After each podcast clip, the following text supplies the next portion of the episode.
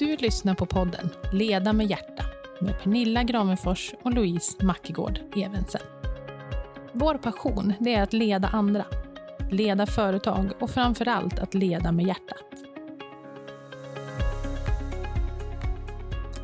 Det här är en programserie som kommer att handla om möten.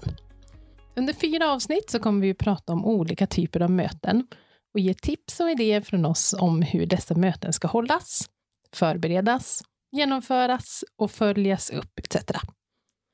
Jag tror att vi alla kan känna igen den här känslan hur vi sitter på ett möte och tänker lite grann. Vad gör jag här? Eller känslan av att kan inte det här mötet bara vara slut snart? Eller att vi lämnar det här mötet utan att veta vad har blivit bestämt eller vad förväntas hända nu. Att förbereda ett möte, noga tänka igenom detaljer, sätta en agenda som verkligen kommer att ge resultat. Det är en stor uppgift som vi som ledare har. Och det är inte helt lätt. Det kan ta lite tid, men vi lovar att den här tiden du lägger ner för att förbereda, det kommer du att få igen tusenfalt i resultat.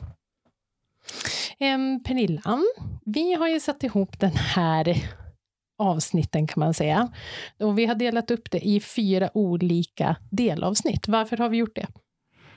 Jo, vi valde att göra det för att när vi förberedde det här avsnittet så insåg både du och jag att eh, det är ändå ganska omfattande. Det är många små detaljer. Så därför tänkte vi att det är lättare att ta till sig i små delar. Mm. Och delavsnitt nummer två, det kommer vi att prata om rutinmöten. Och med rutinmöten så menar vi återkommande möten med fasta intervaller, där vi har samma deltagare och där agendan ser någorlunda lika ut.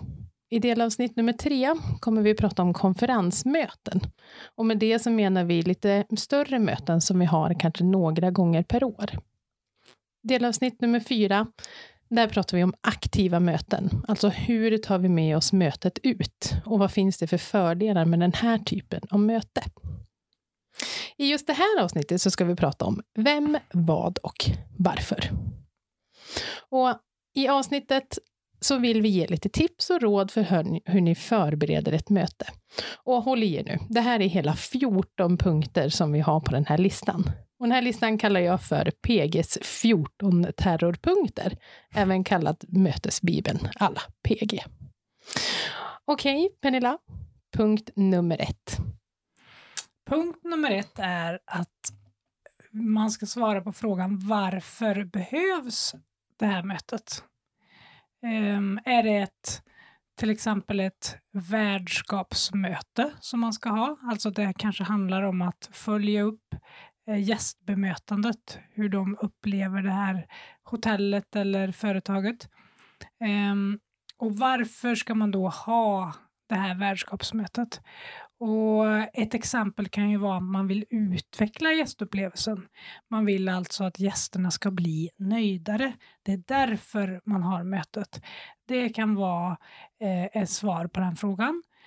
Eller i något fall så har jag haft ett sälj och marknadsmöte där eh, vårt varför var att eh, fatta beslut för de närmaste sex månaderna gällande sälj och marknad Eh, för att ligga i framkant och slippa eh, släcka bränder. Det var vårt varför med det mötet.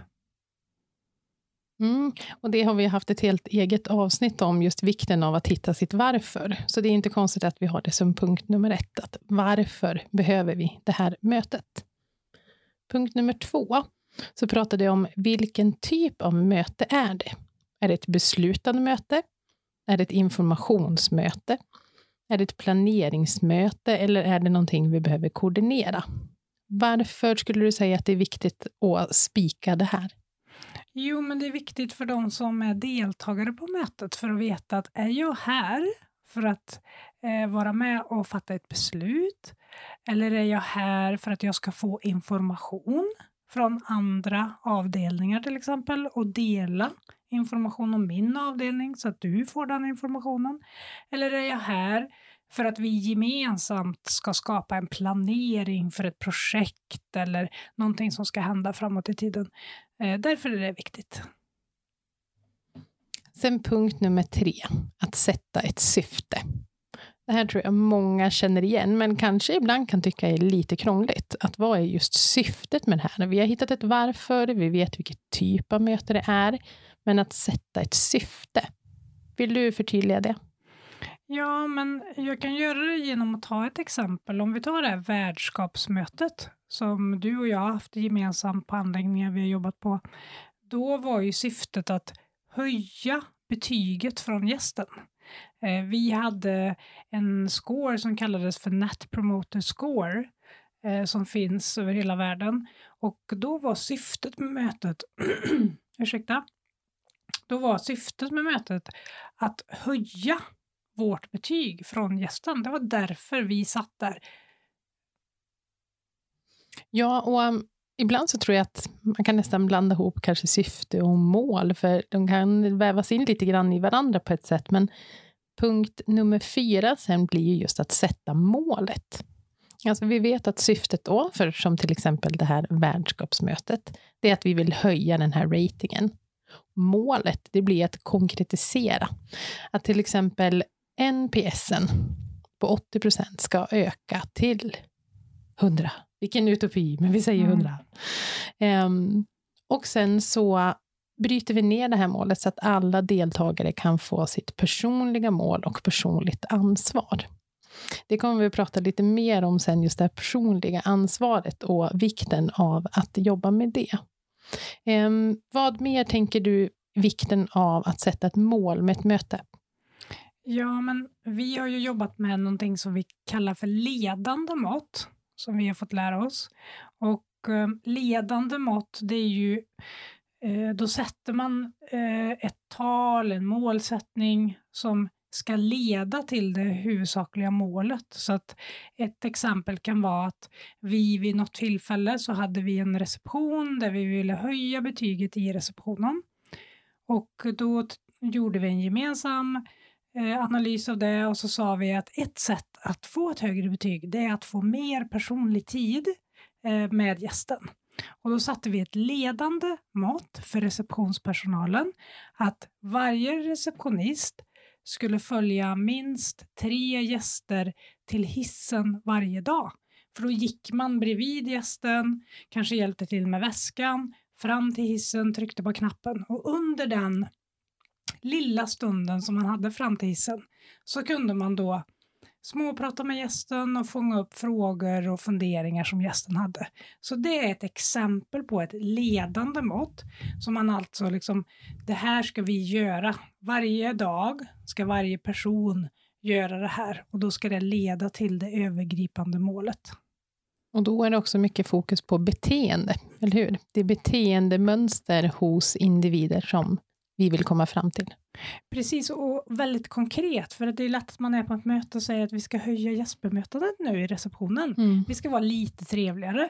Så nu börjar vi med det den här veckan och så kör vi på det i fyra veckor och så stämmer vi av. Mm, Men var lite trevligare, vad betyder det? Och vad betyder det för mig som jobbar där? Därför är ledande mått en väldigt bra krydda att använda. Eh, och någonting som är enkelt och som man kan då göra varje dag, varje vecka eller varje månad. Skulle du kunna ge ett exempel på ett laggande mått då?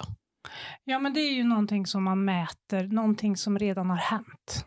Liksom, när månaden är över, då mäter man det här talet. Mm. Ja, då är det ju liksom lite grann redan förbi. Det har varit. Ja, det är ett historiskt tal. Mm. Um, så det är någonting som man mäter i efterhand, medan ett ledande mått är någonting man säger att det här ska vi leva upp till nu varje dag. Uh, och det blir väldigt specifikt också. Mm. Ja, verkligen. Nästa punkt har vi skrivit, hur ofta behöver ni hålla mötet? Och vi har också skrivit, vad ska hinna hända mellan de här mötestillfällena? Vad menar vi med det? Ja, men jag tycker att det är det här, vad ska hinna mellan? Vad ska vi hinna göra mellan mötena? Att det avgör hur ofta man faktiskt ska ha mötet. Om det är så att alla deltagare varje gång ni ses inte har gjort en enda actionpunkt, då, då kan det ju betyda att intervallet är för tajt. Eh, då kan det vara att ni behöver flera dagar emellan Mm. Eh, eller så är det andra saker som kan vara att det är för ospecifikt och man vet inte riktigt, man behöver se över actionpunkter. Men det kan faktiskt vara så att man har så hög arbetsbelastning så att de här punkterna man får på mötet, det räcker inte med en vecka att få dem gjort. Och det här har vi erfarenhet av båda två. Att vi är ju personer som vill prestera, vill framåt, vill att saker ska hända. Så att jag kommer så väl ihåg på vår gemensamma arbetsplats så hade vi sådana möten där vi var personligt ansvariga för olika uppgifter. Och um, till slut så blev det nästan att man var lite orolig att gå på det där mötet, för att alltså, jag har verkligen inte hunnit. Så att vara verkligen ärlig och ärlig med gruppen, att vara, hur mycket tid behöver vi? Och också vara ärlig med att säga att nu känns det för tajt, för det är inte mer än att ändra. Mm, precis. Att sätta en tydlig agenda. Det känns som en klassiker för ett möte, eller hur? Mm. Att ha en agenda. Vad skulle du säga är vikten av att ha ett nedskrivet papper med punkter? Ja, men det är ju för att man ska kunna hålla en tidsram på mötet. Och eh, om man ska nå i mål med sitt varför och sin målsättning med mötet så är det ju viktigt att man då pratar om saker som verkligen leder mot målet. Så då behöver man ju gemensamt, det är mitt eh, tips här, att när man har satt sitt varför och syfte och man vet att man ska ha det mötet, man har valt deltagare, då kan man tillsammans med gruppen bestämma vad är det för punkter vi då behöver diskutera på mötet för att vi ska kunna nå det här målet. Och då blir ju det en agenda som styr mötet. Mm. Och um, punkten efter det var också skrivet att sätta ett tidsspann på varje punkt. Varför är det viktigt? Alltså varje punkt på agendan. Ja, men det är ju innan att man lite bestämmer var vill vi lägga mest tid? Var tro, vad, vad tror vi ger mest effekt? Och då får man ju vikta i agendan att vissa punkter är mindre viktiga och då får de lite mindre tid. Vissa punkter är mer omfattande och av större betydelse och då får de mera tid. Och vad det övergripande gör, det är ju att det är enklare att se till att mötet startar i tid och slutar i tid framför allt. Eh, för då kan man ha någon som är tidspolis i mötet som säkerställer att okej, okay, men nu, nu är klockan 11.35, så nu har vi gått fem minuter över på den här punkten. Mm. Och då kan man rädda den totala mötestiden under mötets gång. Eh, men om man inte har några tider, då kan det ju bli att vissa punkter diskuterar man inte alls, för att man har ingen tid kvar. Nej. Och just den här tiden, det är också då nästa punkt. Tänk verkligen igenom hur långt det här mötet ska vara. Det är ganska klassiskt att sätta ett möte på en timme. Du provade en annan metod på din senaste arbetsplats med den där timmen. Vad gjorde du? Ja, men man kan prova att sätta starttiden för mötet. Till exempel, du tänker klassiskt att det ska möta, eh, starta 10 men så sätter man att det startar kvart över tio. Och så har man då kanske ett 45 minuters möte istället. Behöver man en timme så, så dels är den akademiska kvarten att inte sätta kanske hela timmar, men, men då börjar eh, mötet verkligen kvart över. Och sen så när man har satt den här agendan, man har satt liksom tidsspannet på varje punkt, kan man faktiskt hålla det till 45 minuter så, är det väldigt bra. Effektiva och bra möten är inte ofta de längsta mötena man har. Nej, precis. Det är många punkter i den här listan, så häng med här nu. Men vi har också nästa punkt då, som handlar om hur stor del av mötet som ska vara fokuserat på historia, nutid eller framtid. Kan du snälla förklara det? Ja, men jag tycker att det är viktigt, speciellt på vissa typer av möten. Så eh, det är ju, tänk ett sälj och marknadsmöte, det är ett väldigt brett och stort område, det finns så mycket att prata om. Man kan ju liksom titta på hur gick det förra månaden, hur gick det sista kvartalet, följa upp massa nyckeltal, det är superspännande. Eh, här och nu, hur har det gått den här veckan, hur gick det, hur gick senaste kampanjen vi har gjort? Och sen så är man ju också jättenyfiken på eh, hur ser det ut i framtiden? Vad, vad behöver vi göra för åtgärder?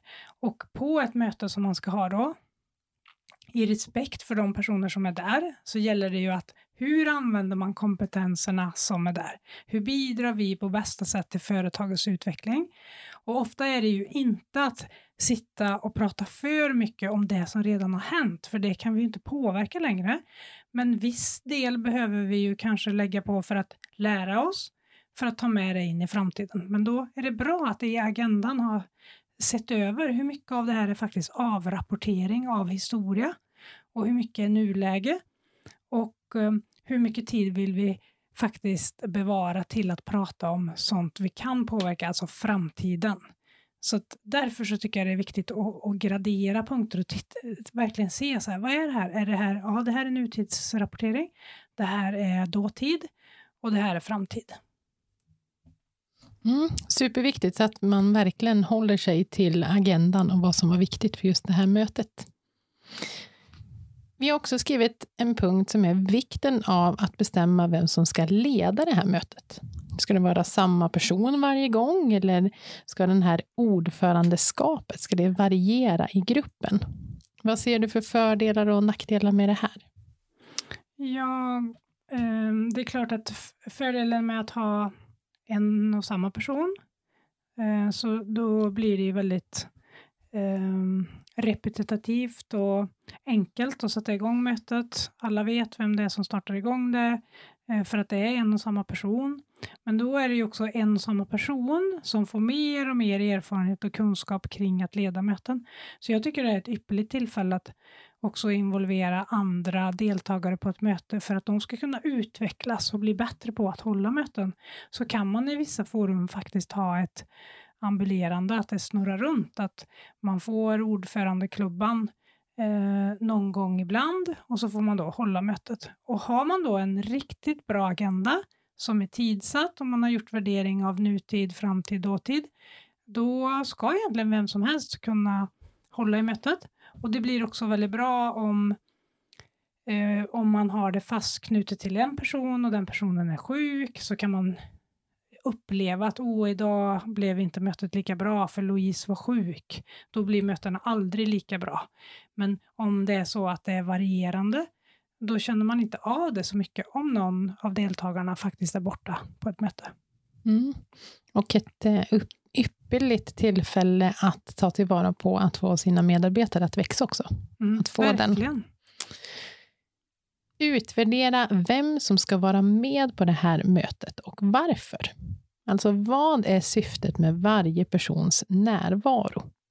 Ska det alltså vara en specifik individ eller behöver det här mötet ha en representant från just en specifik avdelning?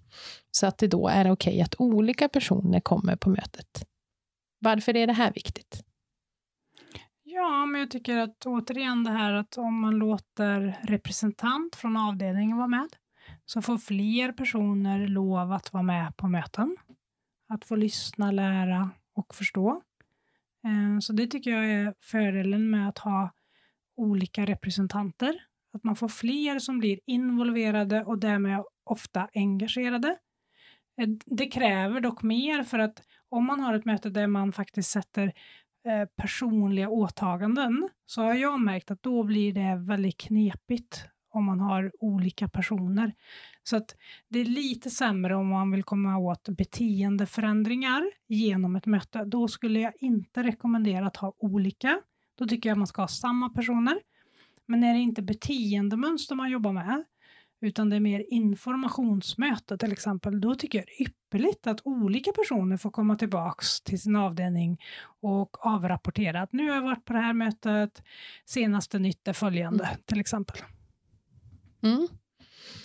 Vi har också skrivit en punkt som är om Tänk igenom om alla deltagare på det här mötet behöver vara med på alla delar. Och Det här är en erfarenhet vi båda har från olika driftsmöten på de hotellanläggningar då som, som vi har drivit. Att det är ganska vanligt att man samlar då många personer från, ja men en representant från varje avdelning. Och sen under vissa delar av mötet så kanske två eller tre personer sitter där vars uppgifter egentligen kanske är slut. Men mötet har en kvart, 20 minuter kvar. Vad skulle du säga vikten av att verkligen då se till att behöver de vara med fortsatt? Eller är det okej okay då att de lämnar det här mötet?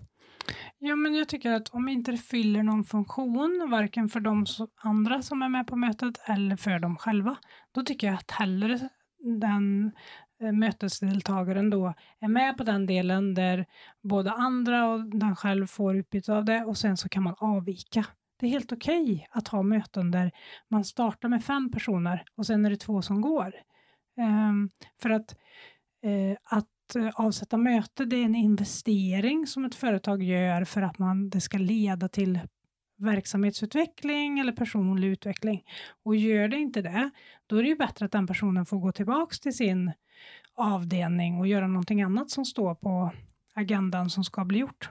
Eh, och en annan sak som jag vill belysa som har lite med förra punkten att göra, det är ju också att det här att man utvärderar, ska det vara en avdelningschef Um, eller ska det vara en medarbetare på en avdelning som ska vara med? Mm. Jag vet att vi gjorde en samarbetsgrupp en gång på Copril. Vi hade lite olika utmaningar med samarbetet och så tillsatte vi faktiskt ett möte som, som hade det som rubrik att det här mötet är till för att samarbetet över gränserna ska bli bättre. Och så plockade vi bort alla avdelningschefer Inga avdelningschefer fick vara med på mötet, utan del, medarbetarna själva fick vara med på det här mötet. Och det var ett typiskt sådant möte där det var inte alltid exakt samma person som var med. Eh, och, och, det var ett möte som vi hade, jag tror det var ett halvår eller ett år. Um, och sen började det flyta bättre så vi behövde inte det forumet. Men det fungerade väldigt, väldigt bra, engagerade de personerna och de fick också större förståelse för vissa saker som de kanske hade gnällt över till sin avdelningschef, alltså varför funkar inte det här? Och nu fick de själva engagera sig i frågan och se hur det skulle lösas. Och eh, receptionisten och Eh, servispersonalen som var där tillsammans på kvällen, helt plötsligt så fick de sitta där på ett möte och prata om hur ska ditt och mitt samarbete bli bättre om en gäst ändrar en tid i restaurangen. Sara, varför får inte jag veta det? Ja, och så kunde de prata om det och så löste de det där och då. Så det var ett väldigt bra exempel. Mm, verkligen. Vi ska också belysa att det här med att vissa då deltagare kan lämna mötet, det måste ju ske från en, en då ordförande av mötet, så att inte någon deltagare känner att nu känner jag mig färdig, så att nu lämnar jag rummet och går. Det kan ju kännas direkt otrevligt. Ja, så viktigt. Mm. Väldigt viktigt att du belyser det. Det ska ju stå i agendan då. Att de här två punkterna deltar de här alla på och sen så är det då två som avviker, för annars så blir det ju High Chaparral. Ja, och kanske lite dålig stämning på mötet. ja. Vi har också skrivit en punkt som är att ibland så kan vissa deltagare i mötet vara med på det här mötet mer för andras skull än sin egen skull. Vad menar vi då? Ja, men jag har råkat ut för det ibland. Jag har haft eh, medarbetare som har kommit till mig och sagt att jag vill inte vara med på det här mötet längre. För att all information som kommer upp på mötet, det vet och kan jag redan, så att det finns ingen mening. Eh, I ett av fallen som jag tänker på nu, då kände jag att den här personen var så viktig av andra anledningar. Det var en fantastisk ambassadör för vårt företag som alltid hade en väldigt hög både energinivå och ambitionsnivå. Så att den här personen satte verkligen stämningen i ett rum och höjde liksom nivån på allting.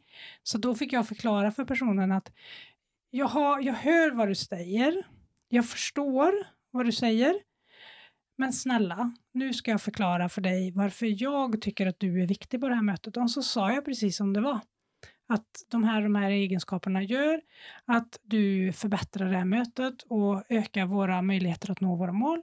Och då förstod ju individen det och helt plötsligt så kunde hon delta eh, och var liksom avslappnad i det, för hon förstod vad hennes bidrag var. Mm. Apropå att förstå varför, som vi tjatar om så mycket. Den här listan på punkter inför ett möte, det kan vi göra väldigt lång och som ni märker så har vi mycket att säga om det här ämnet. Men den sista punkten i den här 14 terrorlistan från PG, då har vi skrivit bestämma om det ska föras anteckningar på mötet och vem som då gör detta och hur uppföljningen ska ske. Men om vi pratar om det här med vad som ska föras för typ av anteckningar på mötet. Vad har du för erfarenhet av det? Ja, det gäller ju att tänka till. Vad är det för typ av möte? Är det ett informationsmöte? Då kan det vara så att mestadels av det som sägs ska skrivas ner och sen skickas ut till övriga medarbetare. Men om det till exempel är ett beslutsmöte där Eh, fem personer träffas för att gemensamt fatta beslut kring sälj och marknad eller fastighet eller vad det nu kan vara. Då, enligt mig då, så räcker det att man skriver vad man har beslutat för att eh, av erfarenhet så är det inte så många som sitter och läser all den här texten som någon kämpar med att skriva. Så då investerar man massa tid i någonting som faktiskt inte har så stort värde. Mm. Så att, eh, då tycker jag att det räcker att man skriver liksom dagens datum och att man loggar vad man har bestämt och vem som gör vad och en actionplan. Mm. Inte sitter och skriver ner hela vägen fram till beslutet. Nej, och en annan del av det som kan vara bra med det, det är att också få upp på bordet att säga okej, okay, då har vi då bestämt idag att vi ska göra det här och det här. Det skriver jag då i protokollet. Precis. Och jag vill liksom avrunda det här med också säga att jag är ju en person som älskar möten. Mm. Det finns ju de som tycker att uh, möten är ett nödvändigt ont och varför ska man ha det? Kan inte jag bara få vara på min station eller min avdelning och bara göra det jag är anställd för att göra? Men det är ju between us uh, som the magic is. Mm. Liksom. Det är ju det jag blir mest imponerad av i företag det är ju när saker fungerar mellan avdelningar, individer liksom, i ett företag. Det gör mig så... Eh, eh, jag får en sån varm känsla av det och det stärker hela företaget. Och då i vissa företag där vissa avdelningar faktiskt inte har så jättemycket direktkontakt så är det magi att då sätta sig ner och ha möten så att man verkligen kan eh, vidareutveckla företaget och medarbetarna på det här sättet. Men då gäller det att man behandlar möten med respekt och gör de här punkterna och att de är förberedda och att man eh, också själv, om jag är ordförande, är förberedd inför mötet. Och det här kommer vi prata mycket om mm. i, i, nästa avsnitt, för att här har vi också mycket att säga och tycker väldigt mycket om. Uppföljningen då, den är ju också jätteviktig efter det här mötet och vi har sagt massa bra saker, vi har bestämt massa bra saker, att följa upp det. Vad händer om vi inte följer upp det? Ja, men då blir det ju bara massa tomma löften. Man sitter på ett möte, man kommer överens om massa saker och sen sitter man där vecka efter vecka och ingen förändring sker. Om man har hamnat där, då behöver man ju liksom skaka om och göra, då kan man faktiskt göra om den här processen igen. Och jag har flera gånger också ärligt tagit upp det i ett mötesforum att ja, men jag tycker inte det här mötet eh, tillför lika mycket längre, jag tycker inte det är lika dynamiskt. Eh, hur gör vi? Och så kan man gemensamt i gruppen prata om det. Vad är det som har hänt? Är det något fel på agendan? Har vi satt för lite tid på vissa punkter? Vad kan det vara? Och så eh, våga, våga göra justeringar. Så även om man gör allt det här som vi har sagt idag, så betyder det inte att det blir perfekt från början. Och det är okej, okay. mm. precis som allting annat. Så ta upp den igen då och engagera de som är med på mötet. Du som ordförande behöver inte ha svar på alla de här frågorna. Du har så kloka kollegor. Gör det gemensamt och skapa det gemensamt och då kommer också alla eh, lägga ner mer energi på att faktiskt genomföra mötet på det sättet som man har kommit överens om, för man själv varit med och påverkat perfekt avslutning på det här ganska långa avsnittet om just förberedelser för att hålla ett möte. Alla de här punkterna kommer jag också skriva ner på vår Instagram så att ni lätt kan ta del av dem eh, senare, vid ett annat tillfälle. Och nästa avsnitt kommer då att handla om rutinmöten. Alltså återkommande möten med fasta intervaller. Hur genomför vi dem på bästa sätt? Tack snälla för att ni har lyssnat. Tack. I vår podd så vill vi gärna inspirera andra att leda med hjärtat. Genom att dela med oss av vår vardag som ledare så är vår förhoppning att underlätta er vardag som ledare. Följ oss gärna på Instagram, Leda med hjärta. Signa upp på vårt nyhetsbrev och hör gärna av er till oss med vilka ämnen som ni vill höra mer om. Och mer information hittar ni på ledamedhjärta.se. Tack snälla för att ni har lyssnat.